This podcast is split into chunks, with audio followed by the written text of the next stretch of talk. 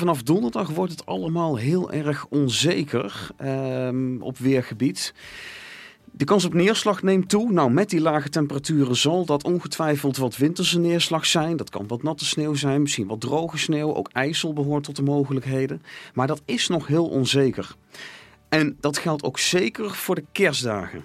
Hmm. Ja, want, Want- dat wilde ik vragen. Want je had Ja. het net over een witte wereld, hè? Zo, zo, zo maandag en zo. En dat is dan door de rijp. Maar ja. hoe, hoe, ziet, hoe zien die modellen met de kerstdagen er dan uit, eh, Wouter? Ja, nog eigenlijk nog steeds zo onzeker als de afgelopen dagen het geval was. Eh, wel zien we op dit moment, eh, het, het wisselt wat. Hè? De, ene, de ene berekening is, heeft de koudere uitkomst, heeft voorkeur. De berekening daarna heeft een zachte uitkomst weer de voorkeur.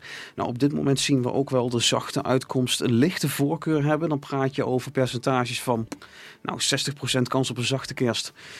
En 40% kans op een koude kerst. Maar daar moeten we dan ook mee doen. Alles hangt af van, een, eh, van de koers van een lage drukgebied. En ja, als dat lage drukgebied onder Nederlands door eh, schuift, over België dus, dan komen wij in de koude lucht terecht. Trekt dat lage drukgebied over Noord-Nederland, dan zitten we in de zachte lucht. En dat is net dat verschil eh, wat op die termijn eigenlijk nu nog niet te zeggen valt. Nee, 40, 60 procent zeg jij. Op dit moment ongeveer, ja. ja, ja. precies. precies. Dus je kunt er eigenlijk geen pijl op trekken.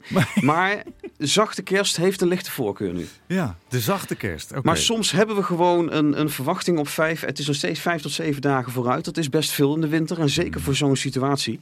Eh, daarin zijn dit soort dingen niet zo gek. Maar het is dat toevallig kerst precies tijdens datzelfde moment valt. Dat we toch hè, een weersverwachting ervoor willen uitzetten. Maar het is eigenlijk ja, niet mogelijk op dit moment.